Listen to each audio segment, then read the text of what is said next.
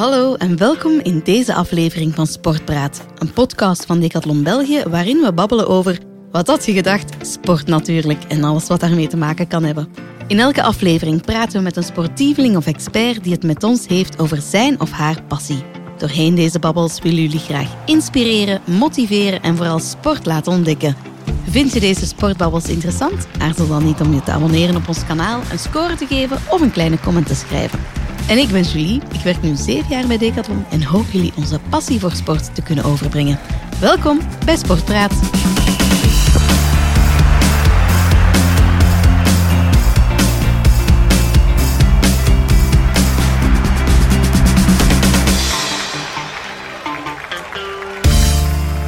En vandaag ben ik blij Gilles de Bakker te verwelkomen, een van onze opleidingsexperts fietsen bij Decathlon België. Hallo Gilles. Hallo, goedemiddag.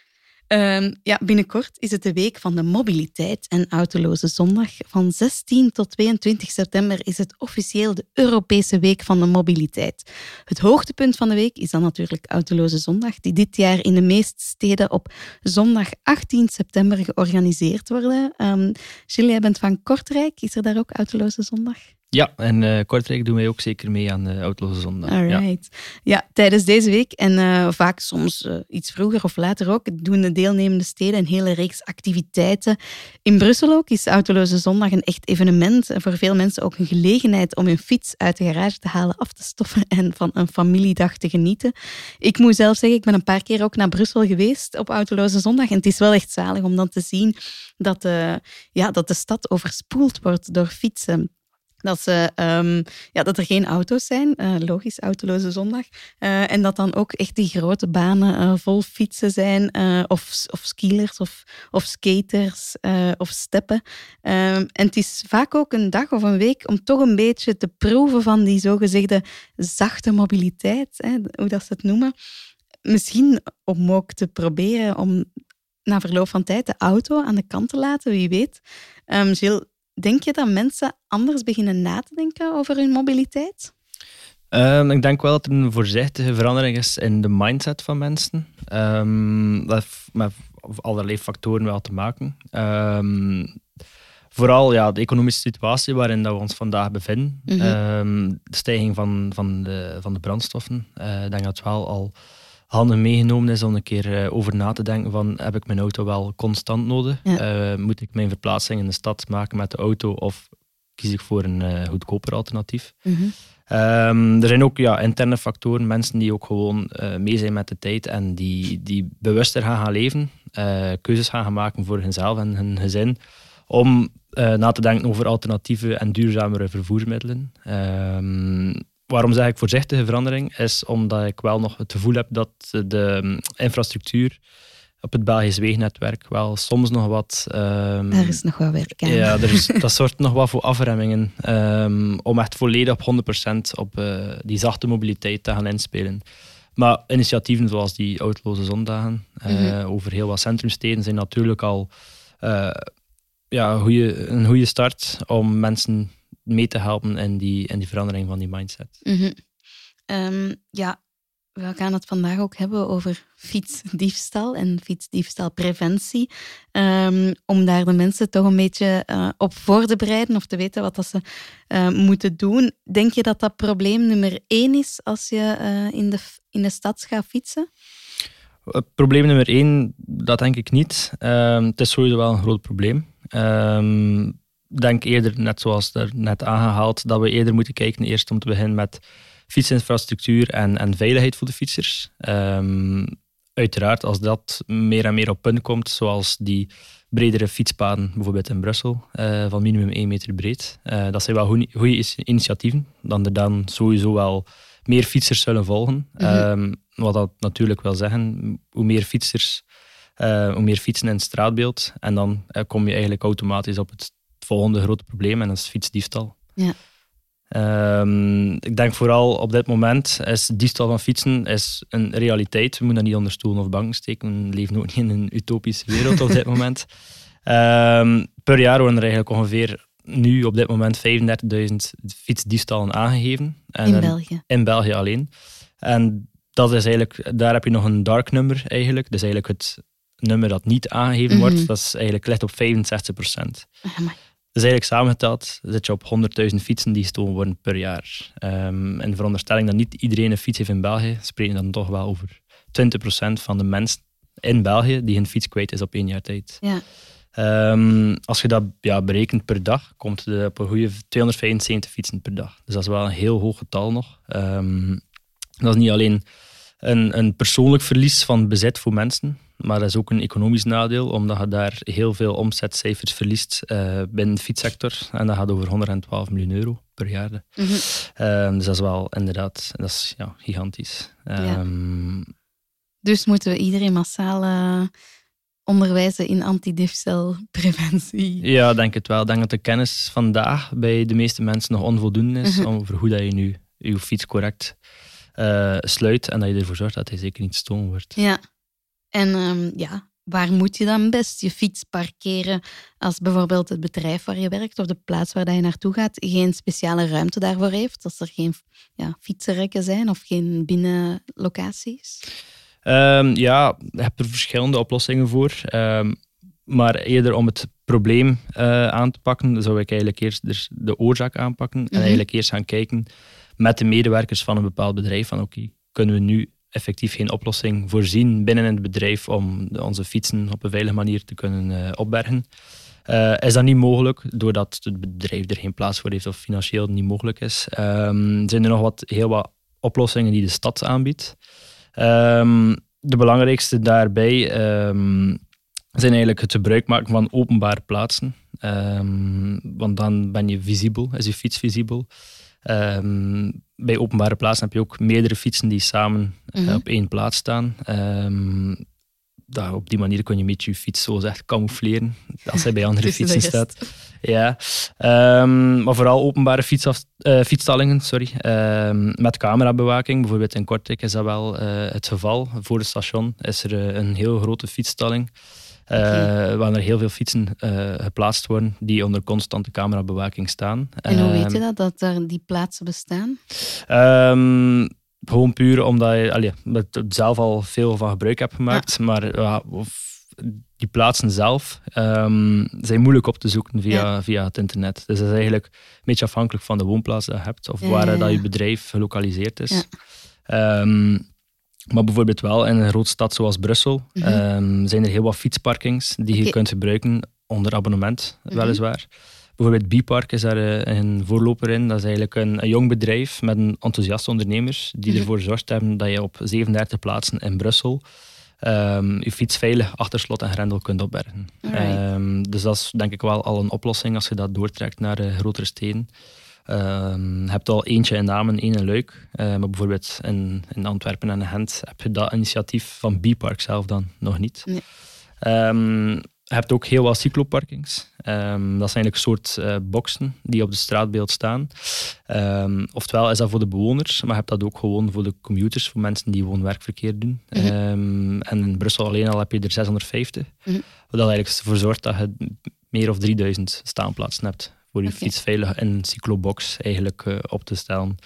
Ehm, stel dat er geen fietsenstalling is eh, met camerabewaking of er is geen fietsparking, dan opteer ik wel nog altijd om, als je je fiets ergens dan wel moet achterlaten om je, om je ehm, job te gaan doen eh, Mhm. overdag, dat je wel gebruik maakt van vaste infrastructuur om je fiets aan te bevestigen. Dat je hem niet gewoon los op het straat Ja, eh, niet langs gewoon met kant een slot aan Nee, zichzelf ja. vastmaakt, maar best aan ja, iets anders. best aan iets anders. Wel op een wettelijke manier. Dat je niet eh, blokkeert van garagepoorten of van eh Nee. oprijlaan of zoiets.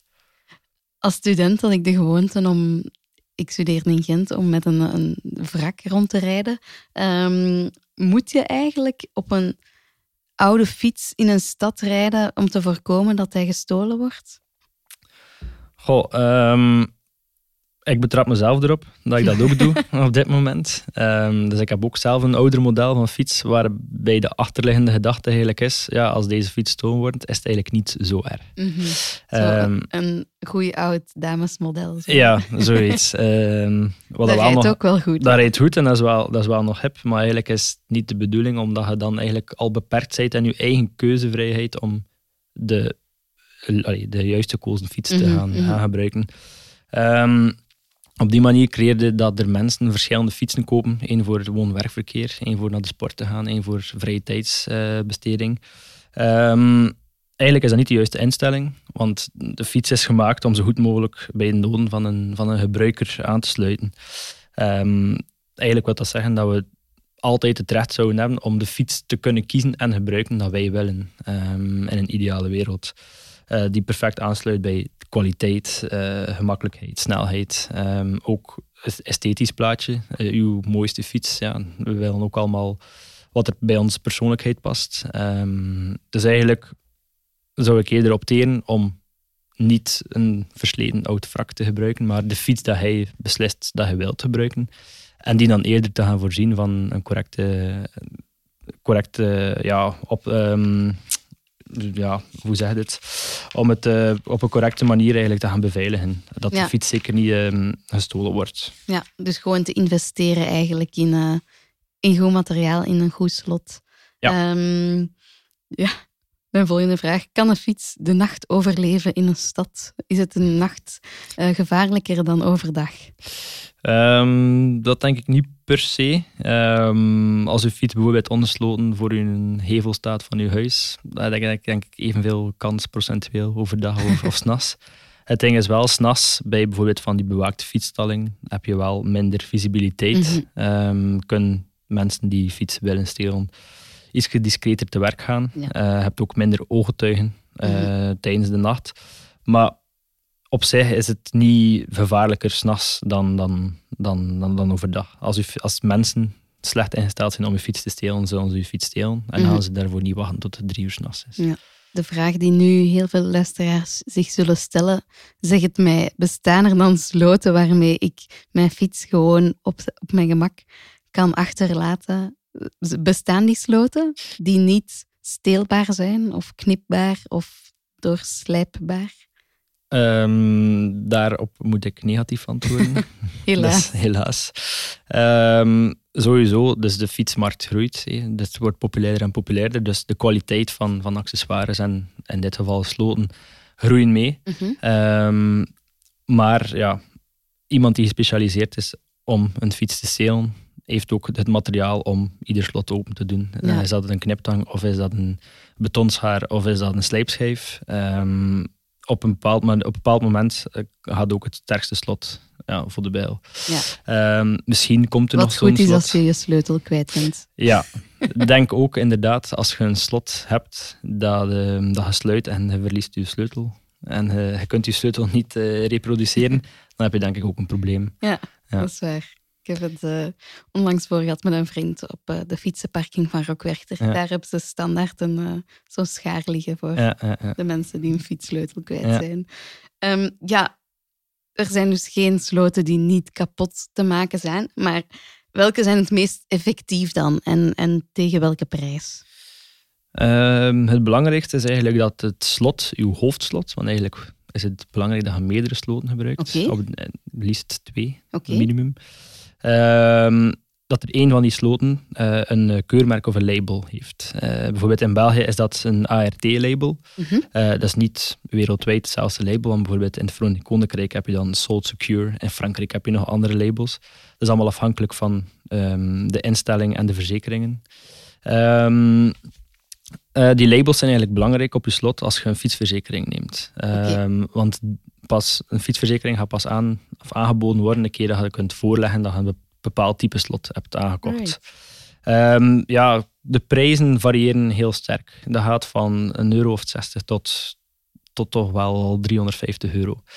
Dat is vooral um, afhankelijk van ja, het merk van ja. het slot. Um, het belangrijkste is gewoon het label. bijvoorbeeld bij, hier in België heb je het ART-label. En dat gaat van 1 tot 5 sterren. Uh, hoe ja, PV-sterren, dan ga je natuurlijk al in een duurdere prijsklasse terechtkomen. Mm -hmm. uh, heb je één ster, gaat al wat goedkopere oplossing zijn, maar heb je wel nog het label. Dan is het gewoon afhankelijk van welke type fiets je verzekert en hoeveel sterren je daarvoor nodig hebt om die verzekering af te nemen. Ja. Um, sowieso heb je verschillende sloten um, dat je kan gebruiken. Uh, je hebt het ja, bekende U-slot, uh, dat niet vouwbaar is. Je hebt ja. van uh, die vouwsloten ook, dat je makkelijk kunt opbergen. je hebt de kettingsloten en dan heb je ook bijvoorbeeld een beugelslot die je op het achterwiel kunt, op je fietskader kunt bevestigen dat het achterwiel vastlegt. Ja. Maar belangrijk is, is, is eigenlijk de combinatie van, van twee Ja. tot drie sloten te gebruiken. En, en waarom is dat zo belangrijk? Als je één goed U-slot hebt, dan is dat niet voldoende. Goh, het is al een sterk slot en dat zal waarschijnlijk ook wel het slot zijn die het ART-label zal dragen. Mhm. Eh, maar het probleem met een U-slot of een beugelslot die achteraan op je fiets bevestigd wordt, is dat, hij, dat die enkel maar het fietskader en een, en een wiel vastleggen. Maar die leggen je fiets niet vast aan een, aan een vast object in, Mhm. in het straatbeeld, zoals een fietsenstalling of een paal of, of een hek. Dus eigenlijk de combinatie tussen zo'n een sterk slot, een U-slot of een beugelslot eh, en een kettingslot is eigenlijk is ideaal. Ehm, je hebt bijvoorbeeld ook ja, mensen die bijvoorbeeld een U-slot gebruiken. Dat, dat zie ik soms ook vaak in het straatbeeld. En die bijvoorbeeld gewoon het voorwiel vastleggen. Dat je eigenlijk niet kunt fietsen met, met de fiets, omdat Ja. er een wiel geblokkeerd is. Maar dan kun je gewoon de fiets opheffen en ook gewoon in de kabinet steken of zo. en dan je hem ook kwijt. Ehm, dus eigenlijk is het, vind ik altijd belangrijk om je fiets ergens aan vast te, Ja. aan vast te maken. En als je dan gewoon het kader met je U-slot aan iets vasthangt, of is dat... dan heb je al een redelijk groot U-slot nodig, wat Ja. natuurlijk wel bestaat, maar dat is in principe ook voldoende. Ja. Als je met een groot U-slot ehm, je fiets kunt bevestigen aan een vast Mhm. object, dan lukt dat ook. Oké. Maar voor extra veiligheid, dus ik bijvoorbeeld zelf gebruik altijd twee sloten. Ja. op mijn duurdere fietsen, niet op mijn oud wrak. Dat is maar één slot. En ehm, waarom bestaan er dan van die dunne slotjes? Ja, dat zijn eigenlijk de zogenaamde kabelslotjes. Ja. Ehm, ik heb er ook eh, al heel veel gezien in het straatbeeld die dat gebruiken als hoofdslot. Maar Mhm. dan kun je gewoon gewoon met een simpele kniptang die iedereen thuis in zijn gereedschapskist heeft, kun je dat gewoon gaan doorknippen. Ja. Ehm, die sloten bestaan eigenlijk eh, niet om je fiets vast te leggen, maar om bepaalde accessoires dat je gebruikt tijdens het fietsen Ah, vast te leggen aan je fiets als je dat bijvoorbeeld niet mee kunt nemen naar binnen. Ja. Of, eh, dat gaat dan over helmen, fietstassen, eh, dergelijke. Ehm, of nog een keer ja, als derde of vierde extra Mhm. slot, maar zeker niet als hoofdslot. Nee. Nee. Oké. Ehm, ja, soms kan je het beste slot ter wereld hebben, maar je fiets niet goed beveiligen als je haast hebt. Zijn er dan nog andere trucjes om je fiets goed vast te zetten? Ehm, ja, eh, heel veel van hebben we er eigenlijk al overlopen. Dat is sowieso die vaste infrastructuur. Dus Mhm. fietsrekken, eh, palen, hekken eh, gebruiken om je fiets vast te leggen. Ehm, en vooral eh, je achterwiel samen met je fietskader te, beve- ehm, allee, te bevestigen, omdat je achterwiel sowieso nog iets lastiger is om te demonteren dan een voorwiel. Ja. Ehm, stel dat het meer tijd in beslag neemt, kunnen er meer mensen dat al gezien hebben dan er mensen aan de fiets aan het prutsen zijn. Of ze kunnen het zelf al opgemerkt hebben en kunnen ingrijpen. Ehm, die combinatie van die twee sloten, waarvan één de ART-label, is ook heel belangrijk. Wat ook nog belangrijk is, kies bewust een goede plaats uit om je fiets achter te laten. Kies niet voor het gemak of voor de, ja, voor de gemakkelijke oplossing, maar zoek een fietsenstalling eh, Mhm. die eventueel camerabewaking heeft. Eh, of zoek een plaats waar veel fietsen samen staan. Ehm, dat het minder aantrekkelijk is voor mensen die je fiets willen ontnemen om effectief moeite te doen om je fiets te stelen. Ehm, we hebben het daar juist al een paar keer over gehad. Ehm, de fietsverzekeringen of de verzekeringen tegen diefstal of fietsendiefstal. Wat dekken die dan precies? Dus die dekken eigenlijk diefstal van de fiets eh, tot de waarde van de fiets. Ehm, dat, gaat, ja, dat gaat eigenlijk over diefstal, maar dat gaat ook over ja, schade. Mhm. Ehm, stel dat je een fiets hebt van 2500 euro, een deftige elektrische fiets. Ja. Ehm, dan gaat er eigenlijk verzekerd worden tot het bedrag van aankoop. Mhm. De meeste verzekeringen nemen daar ook bij eh antidiefstal, maar niet alle verzekeringen. Dus dat is wel belangrijk Goed om te opletten. weten. Ja, goed opletten als je een verzekering aangaat voor je fiets, of dat diefstal ehm, in die clausule zit, ja of nee.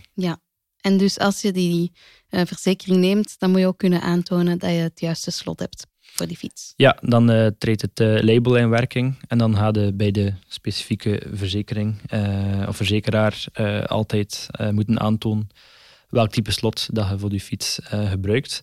Ehm, in België is dat, ehm, werken ze met een, een label en niet met prijs. Dus er zijn bepaalde landen ehm, in, in, in West-Europa die werken met prijs. Ja. Eh, maar dat is heel raar, want je kunt een slot hebben met een juist label, maar dat bijvoorbeeld maar 40 euro kost. Mhm. En je kunt een slot hebben met hetzelfde label dat 80 euro kost. Maar dat kan bijvoorbeeld niet genoeg zijn voor die verzekering. Ja.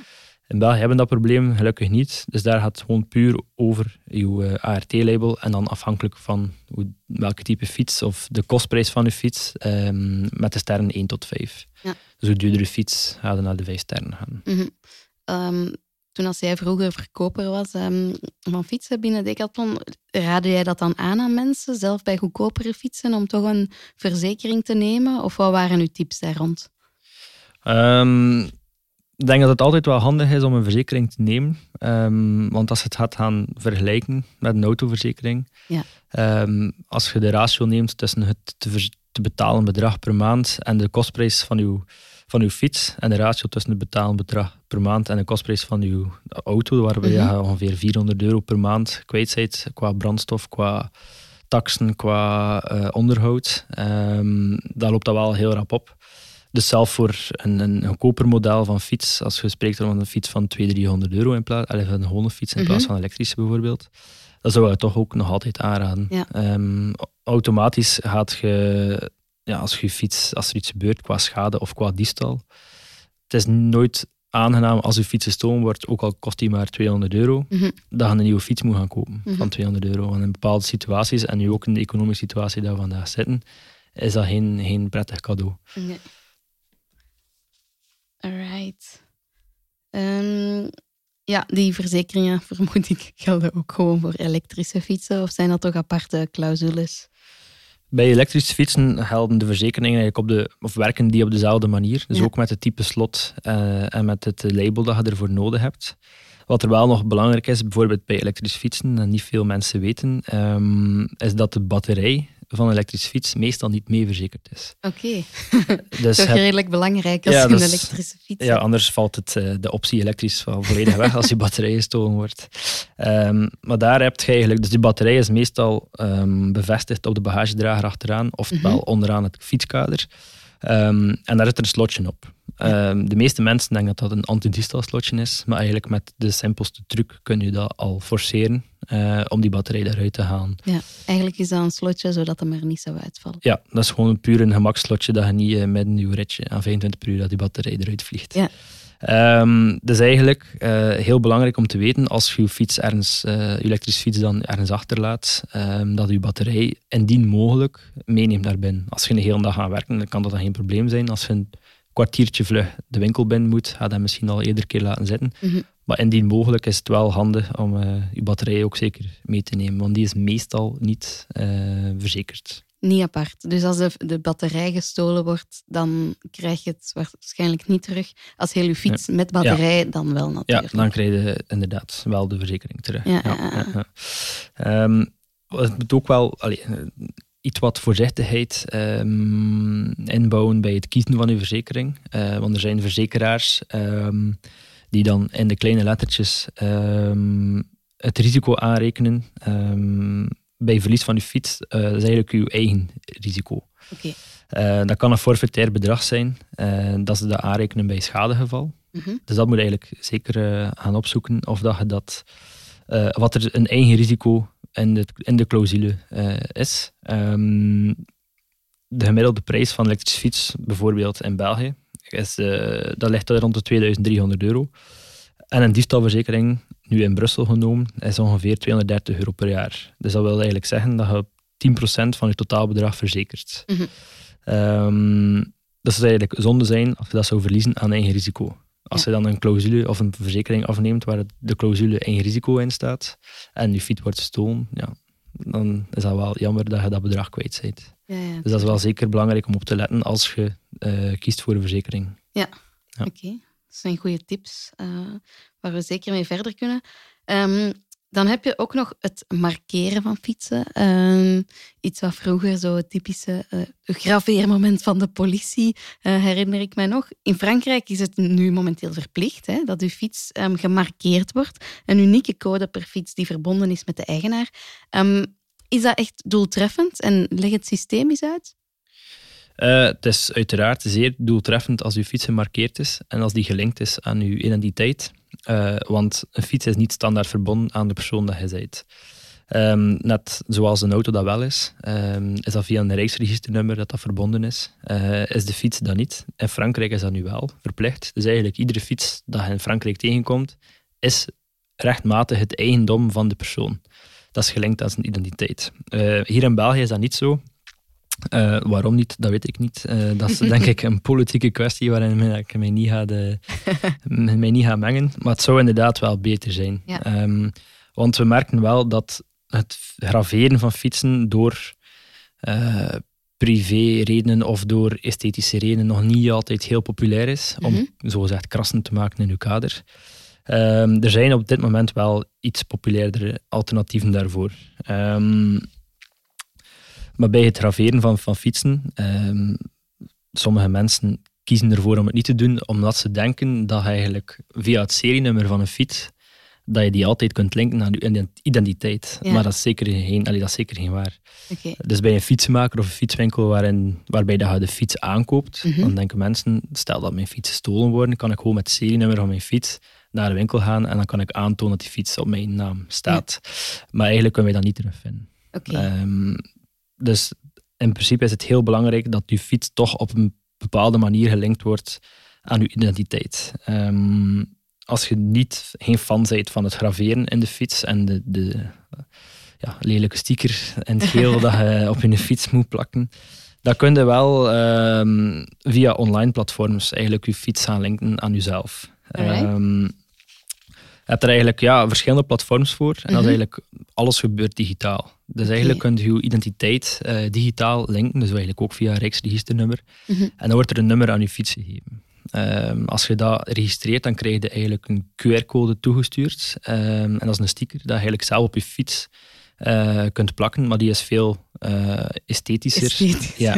en die is veel subtieler. Ja. Um, stel dan dat de fiets gestolen wordt en die is voorzien van zo'n QR-code, kunnen eigenlijk de autoriteiten, dus eigenlijk de politie, kunnen die uh, via hun systeem eigenlijk heel makkelijk gaan inscannen en eigenlijk direct zien van wie die fiets is. Okay. En dat is eigenlijk ook heel handig om... En die stickers kan je er niet gewoon aftrekken? Nee, dus uh, die stickers zijn heel moeilijk te verwijderen. En er zijn nu ook uh, producenten uh, die die stickers eigenlijk in de lak verwerken. Ja. Dus eigenlijk moet je al... Zoals Decathlon. Zoals Decathlon, ja. Dus eigenlijk moet je al, al uw ja, uw fietskader gaan beschadigen om die QR-code daar weg te krijgen. Of overschilderen. Of overschilderen, ja. ja. Laten we um, niet, niet motiveren. Nee, nee, nee. nee. Uh, maar bijvoorbeeld de verschillende platformen die er, die er bestaan, is, uh, je hebt een platform van MyBike en dat is volledig gratis. Okay. Dus dat is eigenlijk een platform waarmee dat je, ja, dus zogezegd, je identiteit kunt linken aan je fiets. Dan heb je ook nog een platform dat Velopas is. Uh, Velopas is wel niet gratis. Daar moet je een kleine prijs rond de 5 euro voor betalen. Okay. Maar die gaat wel nog iets verder dan MyBike. Um, daar heb je eigenlijk nog um, een technologie die in de QR-code verwerkt is. En dat is een NFC-chip. En die is ingesteld om de exacte positie van de fiets weer te geven. Dus stel dat de autoriteiten een fiets vinden en die scannen die fiets in, dan gaat hij eigenlijk via een app een melding krijgen van uw fiets is ingescand geweest. En dan weet je waar uw fiets is. Mhm. Um, dus dat is wel nog handig. En je kunt ook die QR-code gebruiken als logboek of onderhoudsboekje van je fiets, waarbij dat uw fietsenmaker alles van onderhoud kan innoteren eigenlijk. Oké, okay, Velopas. Ik ga het uh, ja, noteren. Velopas. Um, en dan heb je eigenlijk nog een, uh, ja, zoals eerder gezegd, uh, Decathlon biedt dat ook gratis aan op de fietsen sinds 30 juni uh, 2021. Dus alle nieuwe fietsen die geproduceerd worden en verkocht worden door Decathlon, hebben automatisch al die identificatiecode en QR-code op de fiets aangebracht in de lak. Dus En heel- dan moet je die zelf wel nog linken aan jezelf. ja, dat is eigenlijk een samenwerking met Auli. Ehm, dat je eigenlijk gewoon de app van Auli kunt downloaden en dan kun je eigenlijk eh, de, de fiets linken aan jezelf en kun je altijd aantonen van ja, die fiets is rechtmatig mijn bezit, eh, om alle discussie te vermijden. Oké, dus Ja. die olie is iets van België. Een Belgische app om, eh, Ja. om je fiets te linken aan je Ja, identiteit. Inderdaad. En inderdaad. ehm, ja, je zei het al, ehm, sommige zijn betalend, sommige zijn, zijn, eh, zijn gratis, zoals de olie-app. Kan de politie dan ook daar iets mee, met die informatie? Ja, dus eigenlijk de eh, autoriteiten en de politie kunnen eh, aan alle gegevens, ehm, als ze een bepaalde fiets vinden, wat wordt er nu meestal gedaan? Ehm, soms doen ze opruimacties in de stad en fietsen die daar langer staan dan dat wettelijk mag, nemen ze mee. Of gestolen fietsen die ze terugvinden, uh, worden eigenlijk naar een plaatselijk fietsdepot gebracht. Die fietsen blijven daar dan drie maanden staan. Sommige politiebureaus zetten dat op hun Facebook, zodat de mensen misschien hun fiets kunnen mhm. herkennen en kunnen, kunnen komen ophalen. Maar ze merken nog steeds dat er ja, heel weinig reacties is en dat er heel weinig mensen nog hun fiets komen ophalen van de mensen gewoon niet bereikt worden. En dat is wel een, eh, een goede oplossing daarvoor, dat de politie heel makkelijk eh, die QR-codes kunnen inscannen en eigenlijk direct zien, ah, persoon A, dat is de fiets van persoon A, dat is de fiets van persoon B. En kunnen automatisch rechtstreeks contact gaan, gaan opnemen uh, met de rechtmatige eigenaar. Oké. Ehm, GPS-trackers, dat is ook een, een ding. Zijn er fietsen of veel fietsen die dat hebben? Uh, er zijn meer en meer fietsen, vooral duurdere fietsen, als we kijken naar elektrische fietsen vanaf 2000 euro. Ja. Um, speed pedelecs, die wel uh, voorzien zijn van een GPS-tracker. Um, dat zijn eigenlijk GPS-trackers die bevestigd zijn in het kader van de fiets. Dus eigenlijk ook onmogelijk om die GPS-tracker eruit te halen, tenzij dat je de fiets openbreekt. maar dan zijn je ook niet veel meer met de fiets. Um, bij Decathlon hebben we nu ook één model die dat heeft. en ik was uh, zo pas nog in de winkel van Kortrijk bij mijn collega en mijn jeugdvriend Jonas, die mij een verhaal vertelde van een, een gelukkige klant die via de GPS-tracker en de app die daarmee verbonden is, zijn gestolen fiets terugvond, uh, een beetje verder uh, bij zijn woonplaats. En op die manier uh, terug eigenaar is van zijn eigen fiets. Dus het werkt? Het werkt zeker. En het is eh, zeker een, een, een, mooie plus als je een fiets aankoopt en die is voorzien van een GPS-tracker. Ja. Wat zou je zeggen om af te sluiten tegen iemand van wie de fiets gestolen is, om hem aan te moedigen om toch te blijven fietsen? Ja, dat zijn sowieso niet de, de leukste gesprekken om te hebben met iemand die net een fiets gestolen geweest is. Uh, onafhankelijk van de prijs, het is nooit leuk als er iets van uw bezit weg is door iemand anders. Um, maar sowieso, ja, de, sowieso de voordelen aangaan wat dat je van voordeel hebt als je fietst. En dat, dat zijn er heel wat. Het is super gezond. Het is enorm goed voor het milieu. Het verkleint uw, uw eigen impact op het milieu. Um, het zorgt ervoor dat je dagelijks kunt bewegen. Dus het zou jammer zijn als, als een fiets gestolen wordt, dat je dan de switch zou maken. Oké, nu pak ik iedere dag met een auto. Want dan zijn we weer in de omgekeerde beweging uh, bezig. Uh, maar daar heb ik wel bijvoorbeeld uh, heel wat voorbeelden van als mijn, uh, mijn vorige jobs eigenlijk als, als verkoper en als teamleader op de fietsen. Um, heb ik heel veel klanten over de vloer gekregen die, die terugkwamen terwijl ze net een fiets gekocht hadden om te melden dat de fiets gestolen was. Um, niet verzekerd. Um, dus dat zijn geen leuke gesprekken, maar dan is het effectief met de klant samen van A tot Z gaan overlopen. Oké, wat, is er, wat is er gebeurd? op welke manier heb je je fiets gesloten? Uh, waar heb je je fiets achtergelaten? en dan merk je wel dan, dan heel veel mensen die tips niet weten van, ah, heb je twee sloten nodig? Ah, oké. Ehm, ah, ik heb een slot nodig met, met een label ook. Ah. Um, ah, je moet hem niet gewoon langs de straat achterlaten, maar best via straatinfrastructuur of via, of via publieke uh, fietsenstallingen uh, om die fietsen te gaan bevestigen. Uh, plaatsen die beveiligd zijn met camera's. Um, en dan merkte je direct wel de klik die mensen maken. Ah, Oké, misschien kan ik de volgende keer wel meer uh, zaken ondernemen om ervoor te zorgen dat mijn fiets niet gestolen wordt. Uh, en het blijft natuurlijk niet iets leuks om te herinvesteren in eenzelfde fiets of in een andere fiets. Uh, want het is nooit een voorzien budget dat je moet uitgeven. Um, maar je merkt wel dat ze dan wel de, de klik maken van oké, het kan op een andere manier. En mijn fiets kan veel veiliger beveiligd worden. En het risico op diefstal kan verkleind worden door zaken die ik zelf kan ondernemen. En dan merk je wel die, dat ze toch wel weer aan, ja, overgaan tot, tot de aankoop van een, van een duurzaam en uh, sportief uh, alternatief in plaats van de auto. Oké. Merci Gilles dat je tot, uh, tot hier bent gekomen in onze studio. Ik hoop dat niemand zich nu nog gaat laten afschrikken door, uh, door mogelijke fietsendiefstal. En hopelijk krijgen we zo nog wat meer volk op de fiets. Uh, ga je zelf op de fiets kruipen deze zondag? Ja, sowieso. Ja? een grote tour doen met de, met de koersfiets en er een keer van genieten. Ondanks dat er al heel wat fietsstraten zijn in Kortrijk, waarin dat al de baas over de baan, is het nog altijd een keer leuk om je volledige stad te ontdekken. En ga ik zeker ook een keer doen in Brussel, want uh, daar heb ik al heel veel goede dingen en toffe dingen van gehoord. Dat wel echt zalig moet zijn om al die mooie plaatsen en gebouwen en monumenten te kunnen bezoeken. Gewoon met in fiets, zonder dat je moet inzitten, dat je binnen in het verkeer zit. Voilà, laat ons hopen dat er nog meer autoloze dagen van komen. Um, Merci om tot hier te komen en veel plezier nog met het fietsen. Geen probleem, dankjewel. En jullie thuis, merci om te luisteren en ik hoor jullie graag snel terug in een volgende Sportpraat.